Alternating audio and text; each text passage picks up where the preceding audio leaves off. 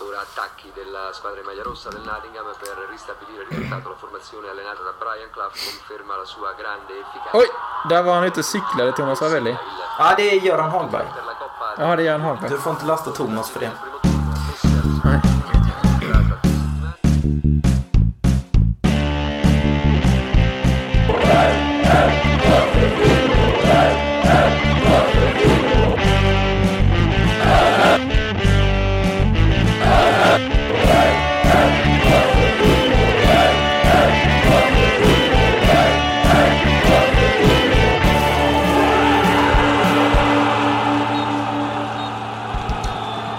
Då hälsar jag er alla hjärtligt välkomna till avsnitt 24 av den alternativa Österpodden. Jag sitter i Stenslanda som jag brukar göra nu för tiden, inne i hörnrummet.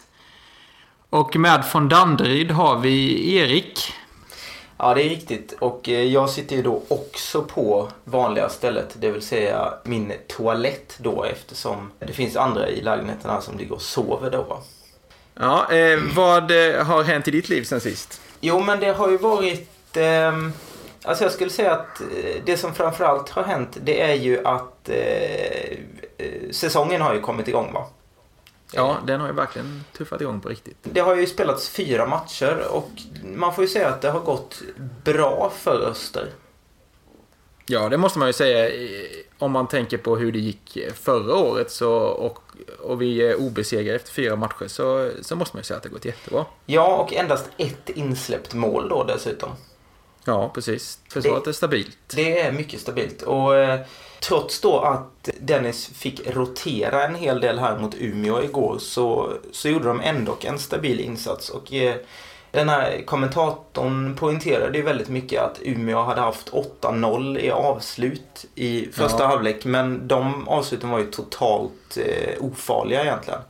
Eh, Ja, jag förstår inte riktigt hur man räknade där. För eh, eh, jag kan inte minnas att, att Umeå hade åtta avslut. Men sen så var det att Öster hade noll avslut också. Jaha. Visst, de hade inte många, men något hade de väl ändå? eller? Ja, eller, eller så här, jag tror inte att det där är fake news. Utan jag, jag tror faktiskt att det där stämmer. Men det är väl mer det att eh, det speglar ju matchbilden extremt dåligt. För att kanske inte i första halvlek, men i andra halvlek i alla fall så var ju Öster det klart spelförande laget. Och de var ju de enda som egentligen skapade någon chans eh, värd namnet skulle jag vilja påstå. Mm, Ja, det får jag hålla med dig. Även om det inte Eh, var så tror du förresten att det är eh, kommentatorn själv som sitter och räknar avslut? Eller är det någon eh, liten gubbe som sitter med penna och papper och gör ett streck för varje gång det blir ett avslut? Ehm, nej, men där är jag ganska säker på att det är en eh, gubbe som gör detta. Ja, för i hockey vet jag att det är så att eh, det är någon som har ansvar för att sitta och göra streck för de olika Ja, sakerna som sker. Jag vet ju att min kompis Niklas till exempel har gjort detta på VLHs matcher då. Ja. Och jag antar att det är något liknande här. Och det är ju en sån grej som man absolut skulle kunna tänka sig att göra när man blir äldre då. Fast jag tänker att det kan vara jäkligt svårt om man gör det till exempel på Öster som man eh, hejar så mycket på. Ja, det Eh. har du rätt i. Man vill ju liksom eh, spela ut sina känslor lite och då är det ju lätt att missa ett avslut eller två eller en, eh, en hörna eller något sånt där. Man är lite förbannad och, och så missar man ett skeende i matchen så att säga. Ja, men man, man kanske helt enkelt får eh, hänvisa till jäv där och säga att ah, när, när Öster spelar då, då, då är inte jag med alltså. Nej, Utan precis. då- Och så får, så får man ta Falkenbergs match eller något sånt där Exakt, istället. eh, precis. Och det, det är ju inte fel på något sätt att man liksom får åka eh, land och rike runt och titta på olika fotbollsmatcher va? Ja, betalda resor borde man ju få i alla fall. Ja, det tror jag nog. Ja, men det, Ja, det ska jag nog eh, skriva upp på min sån här att göra-lista när jag blir pensionär då. Ja, ja. Det låter bra. Ja, Din, eh, din sån lista är lång har jag förstått. ja verkligen. Vad har hänt i ditt liv sen sist, eh, Petter? Mor fyllde år förra helgen var det va? Och då skulle vi fira henne genom att åka till Korre. Just Har det. du varit på Korre? Eh, jag har faktiskt bjudit min mormor till eh, Korre en gång. Ja. Det är en liten idyll eh, utanför eh, Älmeboda typ. Verkligen. Mellan Älmeboda och Rävemåla. Mitt. Hantverkssamhälle kan man väl säga va? Ja, kan man säga. Mm. Man kan paddla kanot också. Just det. Eh, Och då var det ju så roligt då att eh, det var ju en jävla massa människor där. trots dessa coronatider. Och så kommer vi att parkera längst bort på parkeringen, fick vi en liten plats. Och då ser jag en eh, bil som jag känner väldigt väl igen. Just det. Och, och det är ju din gamla bil då. Ja, precis. De här Saabarna, vad är det? En Saab 95 eh, kombi? Ja, det det, där, det där är ju en Saab 9-3 då. Ah, och, så är det. och där kan man säga att jag köpte ju den en gång och sen så, så kan man säga att jag sålde då tillbaka den här bilen till min far. Eller mor, jag vet inte riktigt. Ja, det är ju fint. Ja. Eh, för, för den var ju där på Korre då och då eh, skickade jag en bild för jag var lite osäker på om det var din bil. Men den är ju väldigt karaktäristisk för det är inte så många som har de här Saabarna längre. Nej. Och så frågade jag då om det var din gamla bil. Och eh, innan du hann svara så sprang jag ju givetvis på din mor och far. Ja, precis. Och eh, då var det ju väldigt var kul. För att Mr G var ju med mig vid det här tillfället. Ja, vi var ju och badade här i Danderyd då. Och då fick vi ju då en bild på hela, hela gänget så att säga. Ja, visst. visst. Ja, det var väldigt trevligt eh, att springa på dem. Och de släppte ju en liten bomb där eh, på Korre. Ja. Eh, som vi får se om vi tar upp i framtiden. Det kanske är lite hemligt detta. Ja, det kan man väl säga. Men eh, det kanske finns ett eh, allmänintresse i detta. Vi får se om vi tar upp det senare. Ja, vi får se. Fortsättning följer. Ja. En annan sak. Jag satt ju och läste på SMP, som man gör på telefonen. Ja. Eh, jag vet inte om du har noterat det, men eh, det kommer ju lite reklam ibland. Ja, Har du Ja. tänkt på vad det är för reklam? alltså på den digitala versionen. Ja, om man går in på appen på telefonen och så sitter man och scrollar. Jag, eller vi kanske inte får upp samma reklam. Alltså jag, jag scrollar ju i den här pdf-varianten. Jaha, Så- nej jag scrollar ju liksom i appen. Och, och där kommer det liksom, där är det ingress och sen så kommer det en reklamblänkare för någonting. Eh, Ah. Och då är det ju Region Kronoberg som gör reklam. Ja. Och då gör de ju reklam för att eh, Region Kronoberg ska ha Sveriges planaste kurva. Just det. Vet vem som är ansiktet utåt för detta? Ja, men det har jag faktiskt sett i mitt Facebook-flöde. Det är ju den största hjälten av dem alla. Ja, Eller hur va? ja Tommy Svensson. Ja, precis. Och när jag fick Det- se det så tänkte jag för mig själv så här. Det finns ju ingen bättre person de kunde ha valt för detta ändamål, tänkte jag då. Nej, nej. Verkligen inte. Han är ju liksom eh, hälsan personifierad och eh, jag kan tänka mig att folk har ett oerhört stort förtroende för eh, Tommy. Det kan jag verkligen tänka mig också. Men varför gör regionen Kronoberg reklam för att de ska ha Sveriges planaste kurva? Är det för att folk ska liksom bli mer medvetna hela tiden då? Att, eh, Ja, alltså jag tänker mig att det kanske liksom kan sporra folk till att nej men vi ska minsann inte vara sämre än någon annan här. Och sådär. nej, så kan det vara. Eh, vi ska vara bäst. Ja, precis. Men eh, jag tror att eh, det inte går så bra för Kr- Kronoberg om jag förstått det hela rätt. Jo, jo, men det gör det ju. Danskarna gillar ju oss. Vi får ju åka in i Danmark Ja, nu, ja, men det ja. får ju till exempel inte du göra och inte Nej, nej. skåningarna. nej, jag får ju definitivt inte göra det. Nej. För du är, du är skriven där uppe i Stockholm, va? Ja, precis. Jag, jag... Hade du, hade du varit skri, fortfarande varit skriven här i Stenslanda så hade du ju fått åka in i, Ja, just det. i Danmark. Just det. Det var ju Ja. roligt. Det var ju en eh, på Radio Kronoberg som skulle testa det här då och åka in i Danmark. Jaha. Och det var ju i fredags. Och då hade han kommit till, eh, ja, Kastrup är det väl de står. Och då hade bara den danske ja, vakten där sagt nej, nej, nej, ni har för mycket corona i Kronoberg. Ja, okej. ja. och då, då hade han ju då varit där en dag för tidigt. För det var ju först på lördagen det började gälla att vi fick åka dit. ja, ja, vilken... Så då fick han eh, åka hem med oförrättat ärende, så att säga. Ja, men han fick en gratisbiljett hem tydligen. Ja, det var ju väldigt generöst. Ja, det var det. Det var nästan lite väl generöst. Det kan jag Eh, tycka. Jag tänkte på en grej till som har hänt eh, sen sist som vi bara måste ta upp här. Ja, Och det är ju så att eh, det inkom ju ett mail till oss. ja spännande. Vi gjorde ju en liten efterlysning i föregående avsnitt. Ja, Och det gällde ju då VDIF-legendaren Kalle Virland här då som vi gärna skulle vilja få kontakt med. Ja Eh, och då damp det ner ett mail i inkorgen här från Lukas. som har erbjudit hjälp med kontakt med eh, VDIF-legenden Kalle Virland då. Fan vad fint. Det är fantastiskt. Vi tackar verkligen dig Lukas för detta. Eh, Dock känner vi så här just nu då att vi vill ju väldigt gärna träffa Kalle, självklart. Och vi vill gärna göra det IRL så att säga. Men eh, coronasituationen gör ju att det inte känns ansvarsfullt att göra detta just nu då. Men, Nej, eh, Ka- Kalle är väl en bra bit över 80 va? Eh, jag tror det. Så att eh, vi får helt enkelt avvakta lite med detta tänker vi. Men tack så hemskt mycket Lukas för detta.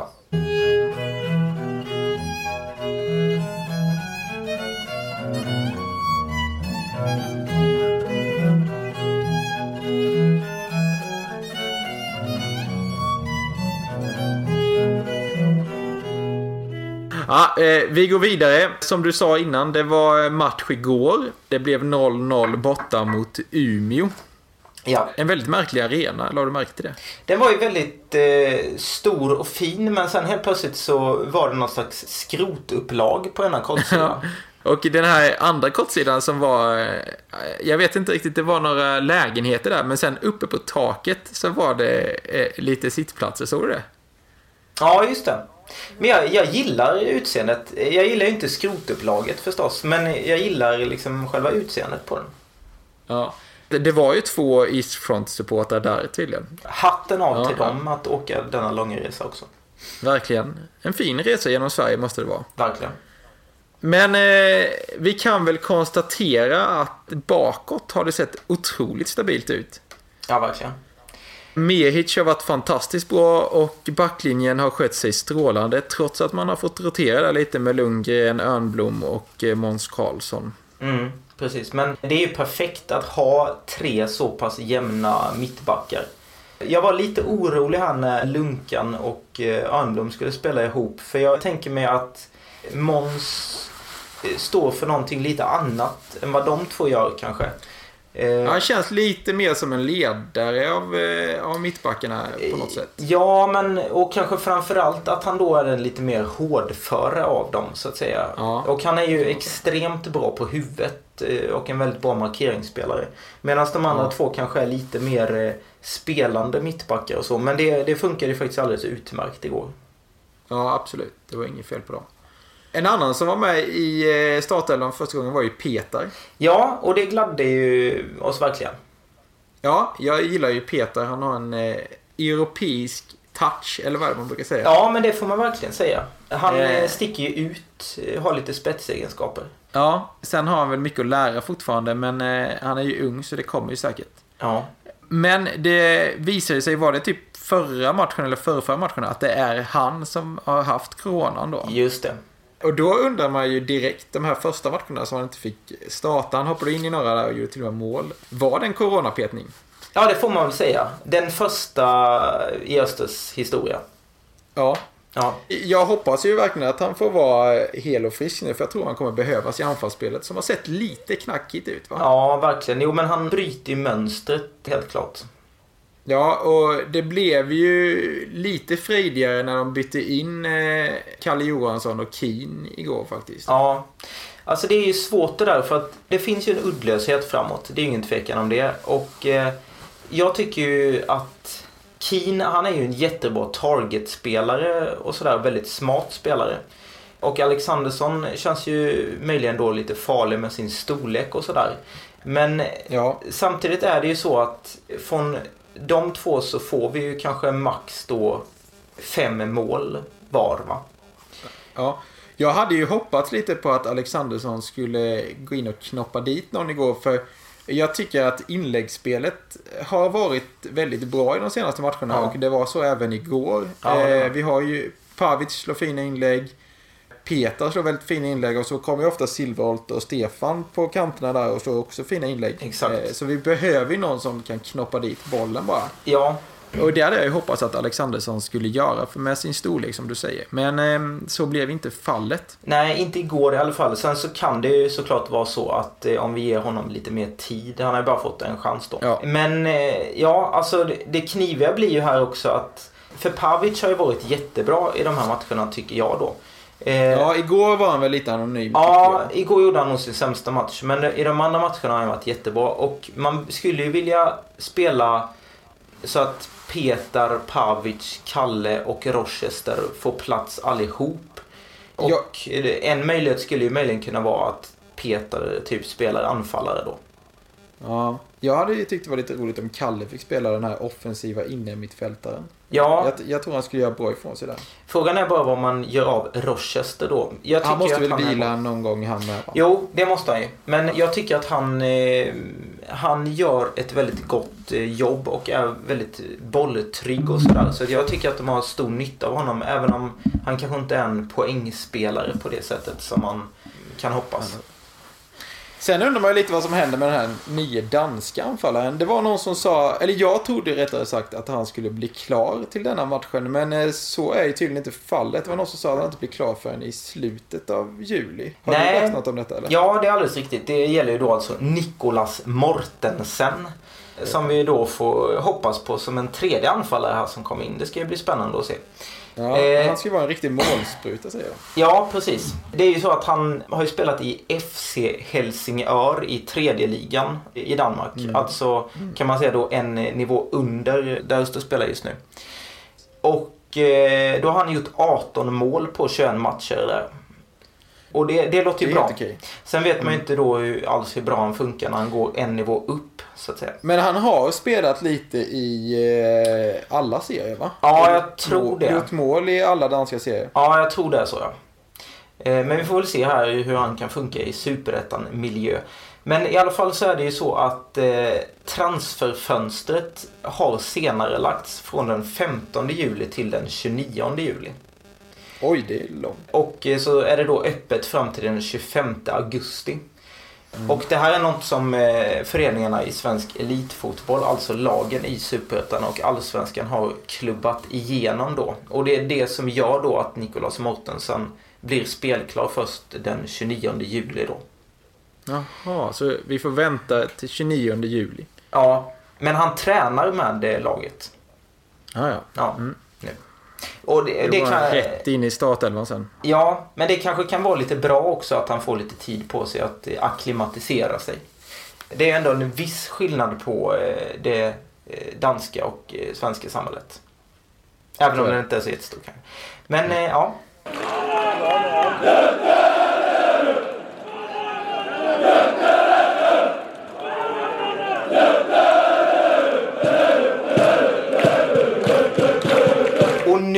När det går så bra för Öster så börjar man ju genast tänka på en sak. Öster i Europa. Eller? Rödblå tågafall. Ja. Så att eh, vi har ju ett eh, litet segment här i detta avsnitt som ska handla om just Öster i Europa. Förr i tiden då. Ja, precis. Vi har valt ut varsin match från Europatiden. Just det. Jag tänker att jag börjar eftersom min match är den första som inträffade och då har jag ju valt ut matchen mot Barcelona Ja, 1976. just det. Vi har ju alla sett den här eh, klassiska bilden på... Precis, det är eh, den jag föll för. Ja. Eh, på Tommy och Johan Cruyff. Just som det. står och skakar hand. Tommy ser väldigt förbannad ut. Ja, det gör han lite. Men det är också det där att eh, jag tycker att Östers matchdräkt det året var väldigt snygg då. Ja, Visst var den det. Det är lite lik. eh, Det var Adidas som Ja, hade det också. Det var det. det, var det. Det är lite som det är idag. Mm. Eh, detta var ju då en åttondelsfinal av Uefa-cupen Ja, på den tiden. Uefa-cupen är ju samma sak som Europa är idag va? just det. Och det föranleddes då av att Öster kom tvåa, tog det stora silvret 1975. Fem poäng bakom Malmö FF. Ja, Som så många gånger på 70-talet så kom de ju tvåa, eventuellt trea va? ja och ofta då bakom MFF såklart. Ja, tyvärr var det ju så. Ja, Och Barca tog sig dit genom att de slutade faktiskt trea i La Liga. Även fast Johan Cruyff hade sin storhetstid. Och eh, detta är ju då tredje omgången av Uefa-cupen, så Öster hade ju mött två lag innan. Det första var ju ett lag som heter Kups. väldigt passande. Vet du var de kommer ifrån? eh, Kups. Kanske från eh, Sovjetunionen dåvarande. Nej, men det är inte jättelångt ifrån. Eh, De kommer från Finland. Ja, ja. Och det blev faktiskt en jämn tillställning. Öster vann med totalt 4-3. Ja, Och det roliga är ju då att eh, på den tiden så var alla lag lika mycket värda för även Barcelona gick in i samma omgång. just det. Just det. Det hade ju aldrig skett idag. Nej, men det kanske var ganska korrekt för när man gör lite efterforskningar från den tiden så känns det som att matcherna ofta var ganska jämna mellan lite så mindre fotbollsnationer och större fotbollsnationer. Ja, visst var det det.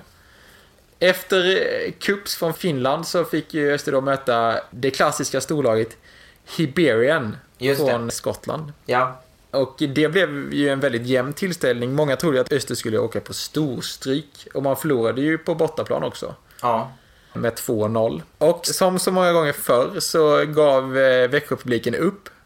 eh, det, det pallrade sig endast 1700 åskådare till Varrensvallen. ja, det är ju skandal. Ja, och eh, i mål stod ju då eh, Thomas Ravelli och gjorde en stor match. Och eh, Öster vann ju då med hela 4-1. Så Ja. de eh, vände ju kalaset och vann totalt med 4-3 där med. Ja, jag läste lite om eh, den här matchen eh, mot Hibernian. Och eh, man förstår ju verkligen att det var en, en sån himla bragd då att vända detta stora underläge. De hade ändå en stor tro på sig själva inför returmötet där vad jag förstod då. Ja, eh, det måste de ju haft. Men eh, i och med det så eh, fick de ju då möta Barcelona. Och eh, Europamatcher som du vet spelas ju på vintertid. Den första då som var i Växjö skulle ju gå i slutet på november. Ja, Och sen returen skulle ju då gå ja, i början på december nere i Barcelona. Men där gör det inte så mycket för där är det ju varmt och gött ändå. ja, Men i Växjö eh, skulle den spelas i slutet på november. Det här var en kylig november tydligen. det var 8 minusgrader. ja, eh, och Barca var inte riktigt nöjda med det här. nej, Så de ville ju flytta matchen. De ville flytta fram den tre och en halv timme för eh, då, det var lite varmare tidigare på dagen. Eh, Då kanske det var nollgradigt på sin höjd. Och då erbjöd de Öster en miljon pesetas för detta. Vilket är ungefär 65 000 kronor, eller var då i alla fall. ja, Och den eh, officiella anledningen var ju då att det skulle passa medierna i Spanien bättre. Och det var, ju- det. var ju absolut, de försökte mörka det här att de tyckte att det var för kallt. ja, Men eh, Stig nobbade. såklart. Eh, han eh, var bestämd och matchen skulle spelas när den skulle spelas. Och eh, då lär eh, Barcelonas tränare Marnius Michels ha sagt att de är inte vana att spela i ett kylskåp för helvete. Eller kanske snarare Men- en frys då Ja, precis. Det var min, det var min fråga där till honom. Synd att man inte fick ställa den. Eh, Hur Ja. många gånger är det åtta minus i ett kylskåp? Ja, exakt. Ja, men Eh. eh, vilken grej alltså. Ja, Ja, och matchen spelades ju då 8 minus och eh, jag frågade min far vad han hade för minnen från den här matchen. Och, eh, då är hans starkaste minne att eh, Johan Cruyff springer runt i väldigt stora vantar och eh, gestikulerar till sina medspelare. Matchen på Värensvallen slutar ju då med förlust 3-0 till Barcelona. ja, Eh, och då tänker man ju, ja, det var inte så konstigt kanske. Men eh, siffrorna speglar ju inte riktigt matchbilden. Det är ju Öster som är det spelförande laget. Och eh, är ju faktiskt de som rullar boll. ja, ja. Medan enligt dåtidens Smålandspost eh, så eh, lever Barcelona lite mer på långbollar. ja. Det kunde man ju inte tro. Nej, verkligen inte. Och då slog det mig då att eh, sitter det folk på Värensvallen och tänker och skriker ut Slå lite mer långbollar för helvete. Ja, eh, Tror du det? Det, det gör det säkerligen, för man, Ja. man vet ju ungefär hur det brukar låta. Ja, det Eller, eller hört. framförallt det här med Fast det framåt. tvärtom. Ja, Framåt. precis. framåt. Eh, så, så Barcelona kämpar sig till segern där med 3-0 efter att eh, ha slagit lite långbollar. Intressant var ju dock, innan matchen så var det en presskonferens. Mm. Och eh, då var ju Stig Svensson med på den presskonferensen såklart. Och då eh, är de spanska journalisterna lite nyfikna varför han har så mycket släktingar med i laget. och, eh, då frågar jag honom om eh, de är med i laget för att de är just hans släktingar. Då. Och då, då säger Stig, om det hade varit så, så hade jag själv spelat. Ja, Ja, snyggt. det blev ju som sagt förlust. Anders Linderoth, som är årets man i svensk fotboll, är den bästa i öster. Och han är ju halvtidsproffs. Just det. Och då frågar sig alla medier på denna tiden då hur ett lag med halvtidsproffs ska kunna vinna mot ett lag med heltidsproffs. Ja. Och, Och, och, så det blev kunde de också- ju inte heller. Nej, det kunde de inte, för det blev ju även stor förlust nere i Barcelona. Ja. Eh, det slutade ju 5-1. Ja. Då skyller man ju lite på att varken Inge Eiderstedt eller Peter Strömberg var med i den här matchen. Nej. Ja, det är klart Inge hade möjligen kunnat peta in en boll kanske. Ja, absolut. Har du sett Inges mustasch som han hade ibland? Eh, nej, tyvärr inte. Nej, den är riktigt stabil. Ja. Jag eh, tycker att alla våra lyssnare ska googla Inge Eiderstedt och, eh, titta på den här mustaschen. Han har inte det på alla bilder, men många bilder har han en rejäl, Ja. saftig mustasch. ja, men jag får göra det sen. Jag, då förväntar jag mig någon slags eh, Jürgen Kohler-mustasch då. Ja, det kan du verkligen göra. Ja. Eh, och eh, det roliga med detta, eller det roliga, det sorgliga med detta är ju att detta var Inges sista match också, denna på Värensvallen. Ja, ja. Barcelona. Ja. Sen, blev det inget mer. han. Ja. Nej.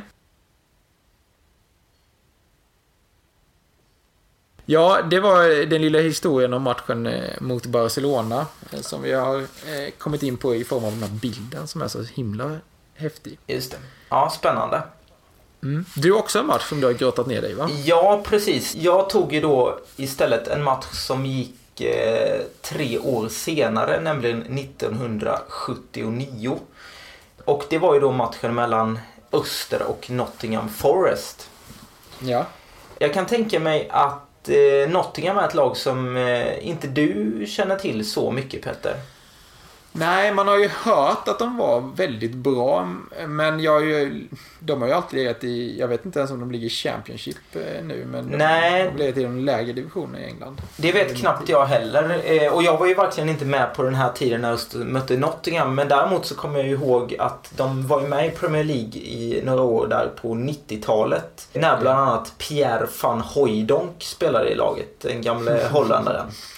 Men i alla fall, det var ju då så att 1979 så skulle Öster möta Nottingham i Europacupen, alltså dagens Champions League då ju. Ja, Ehm. just det, för det, Öster vann ju 78, ja det stämmer. Ja, precis. Och då är det också så att Nottingham är ju alltså regerande Europacupmästare eftersom de året innan hade slagit eh, Malmö FF i finalen i Europacupen med 1-0.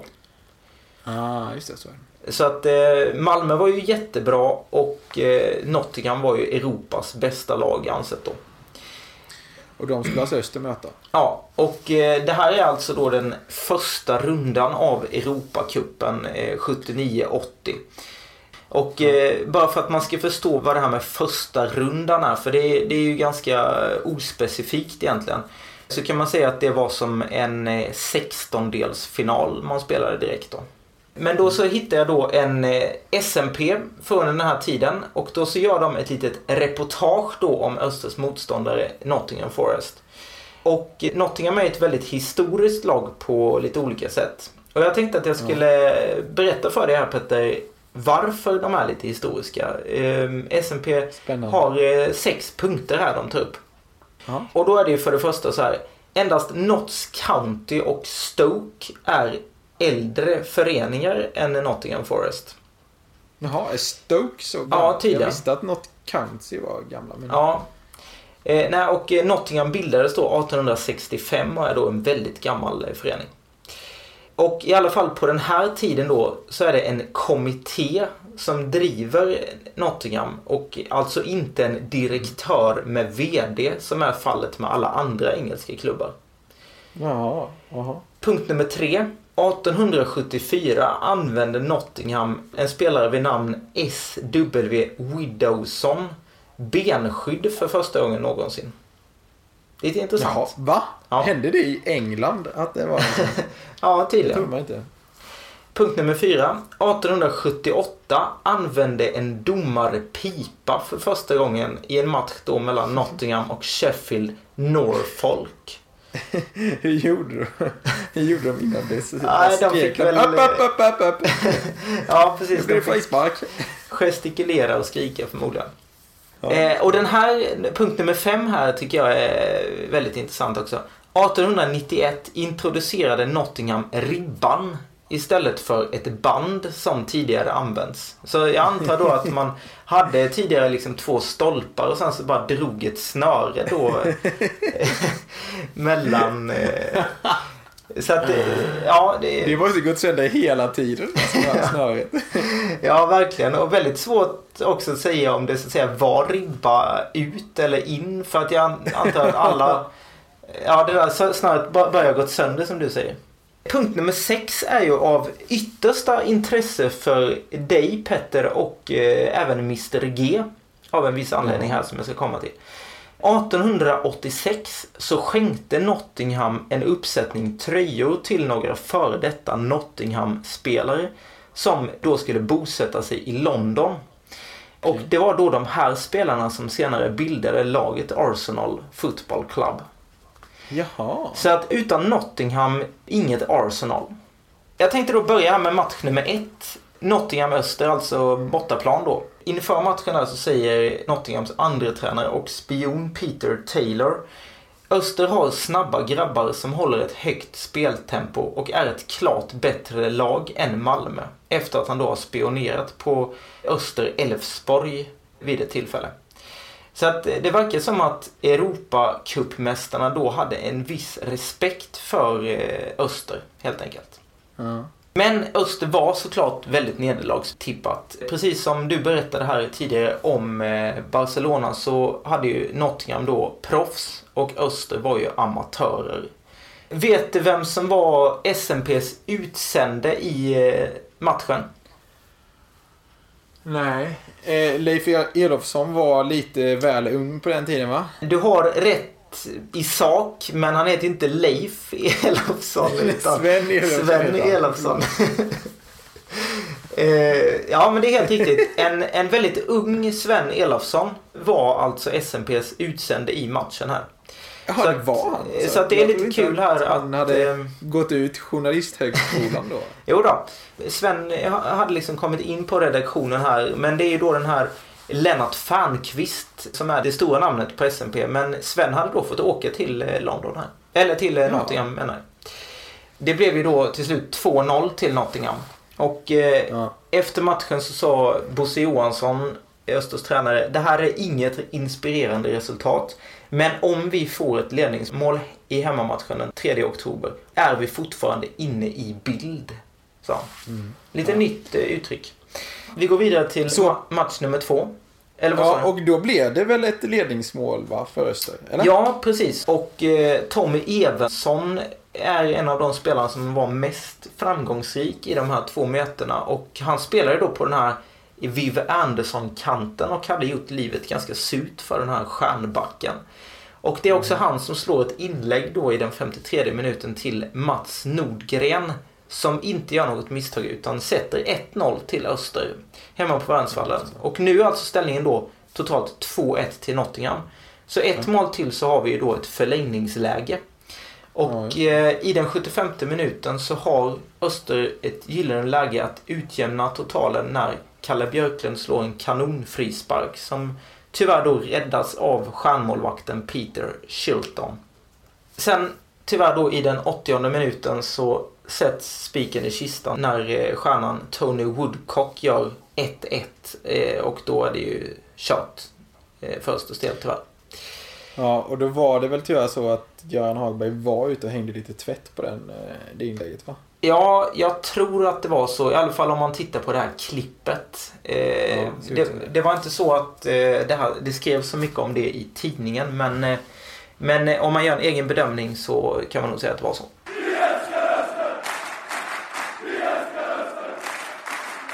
Ja, men det var våran historiska tillbakablick här då från två stormatcher på 70-talet. Ja, härligt. Vi går vidare och du har lovat att redovisa förra avsnittets Vem där? Just det. Och vi kan börja med att säga då att eh, det har kommit in två korrekta svar. Eh, Ja, det här är otroligt roligt. Ja, väldigt spännande. Eh, Det ena svaret kom in före det andra. Ja. Och vi säger grattis till dig, Gustav Björkman.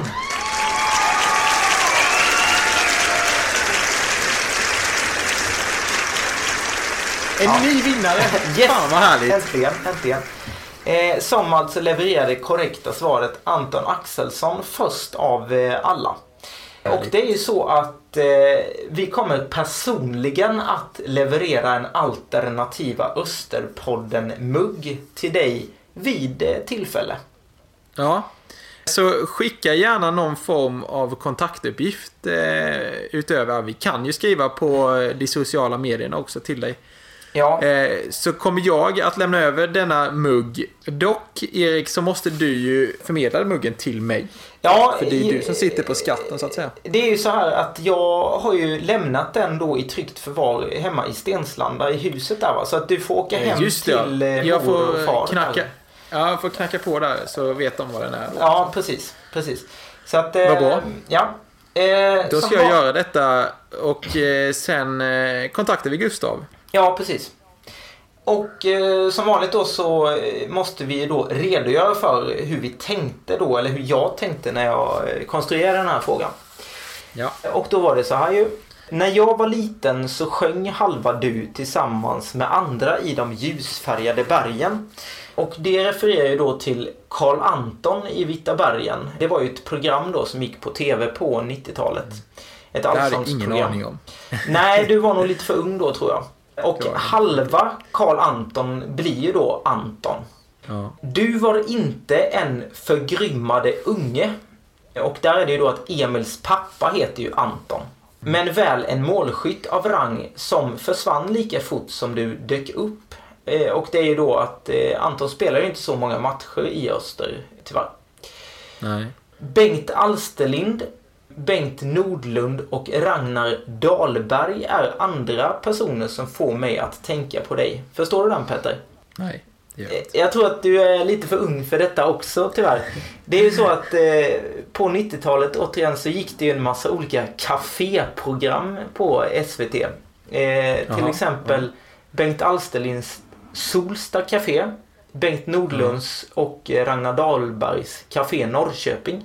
Och då är det ju Café här som är ledtråden. Och eh, det här minns du säkert att Anton avgjorde ju mot just Café Just. Opera. Just det. Eh, Där var du stadion. och Mr G på den matchen, eller hur? Ja, jag är lite osäker. Jag tror faktiskt inte att Mr G var med utan det var min kompis Gustav eh, och Andreas som var på matchen. Eh, Jaha, var det så? Så var det. Eh, och eh, visst var det så att alla sprang in på planen eh, Ja. från Eastfront? Eh. Förutom du och dina vänner. Ja, alltså det var så här att eh, vi ska ju säga det då att det här var ju då eh, säsongen 2002 då och den 26 oktober en oförglömlig kväll där. Eh, när Öster vann med 2-0 då och säkrade allsvenskt avancemang. Och då stormades ju planen av eh, Östersupportrarna. Eh, och vi satt ju kvar väldigt länge och tänkte så här, ja, ska man göra det här eller inte?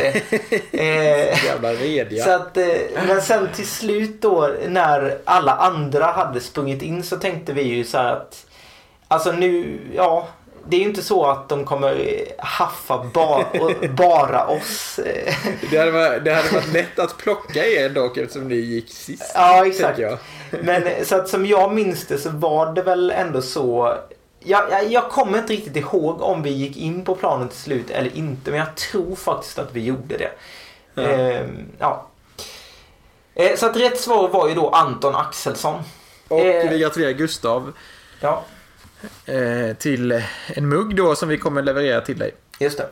Eh, vi går vidare med detta avsnittets Vem där? Och det är ju jag som har den. Ja. Vem, är där? Vem är där? Vem är där? Vem, vem är där? Vem är där? Vem är där? Man kan tro att vår person avslutade karriären förmögen och kunglig. Men i själva verket blev det kroppen som gjorde att slutet kom. Vår person kom hem efter bland annat lyft Lennart mot skyn, tränats av varmkorvsgubben och gjort ett år på Akerstadion. Ja, det var spännande. Ja, eh, och eh, svaren skickar ni ju såklart till Alternativa osterpodden at gmail.com Eller då som Gustav eh, gjorde här. Precis. Skrivit eh, till oss eh, i de sociala medierna. Jag tror att Gustav använder sig av Instagram om inte jag minns helt fel. Ja, det går även bra på. Twitter. Just det. Men glöm inte att det ska vara ett PM då. Så att ingen annan ser vad ni skriver. Just det. Det är ju då det lite mer moderna sättet att svara på detta Ja. kan man säga. Och eh, vi kan väl avslöja det här att det är du som är, har eh, störst eh, kontroll över Gmail-kontot. Ja, det är väl bara jag som har Ja, det är bara du. och det är jag som främst tittar på Twitter och Instagram. Just det. Sen har vi ytterligare då en glad nyhet att berätta om och det är då att vi tackar dig Peter Hansen, en stor Isfond-profil.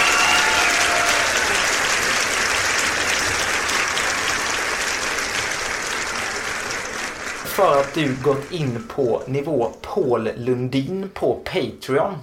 Fan vad härligt, en till! Ja, eh, så detta innebär ju att vi eh, då åter har så mycket som tre patrioner och det är vi ju väldigt glada för. Mm. Ja, väldigt trevligt. Ja, Välkommen Peter. och eh, vi vill också passa på då att påminna om att glöm inte att ni kan stödja oss på Patreon genom www.patreon.com snedstreck alternativa osterpodden.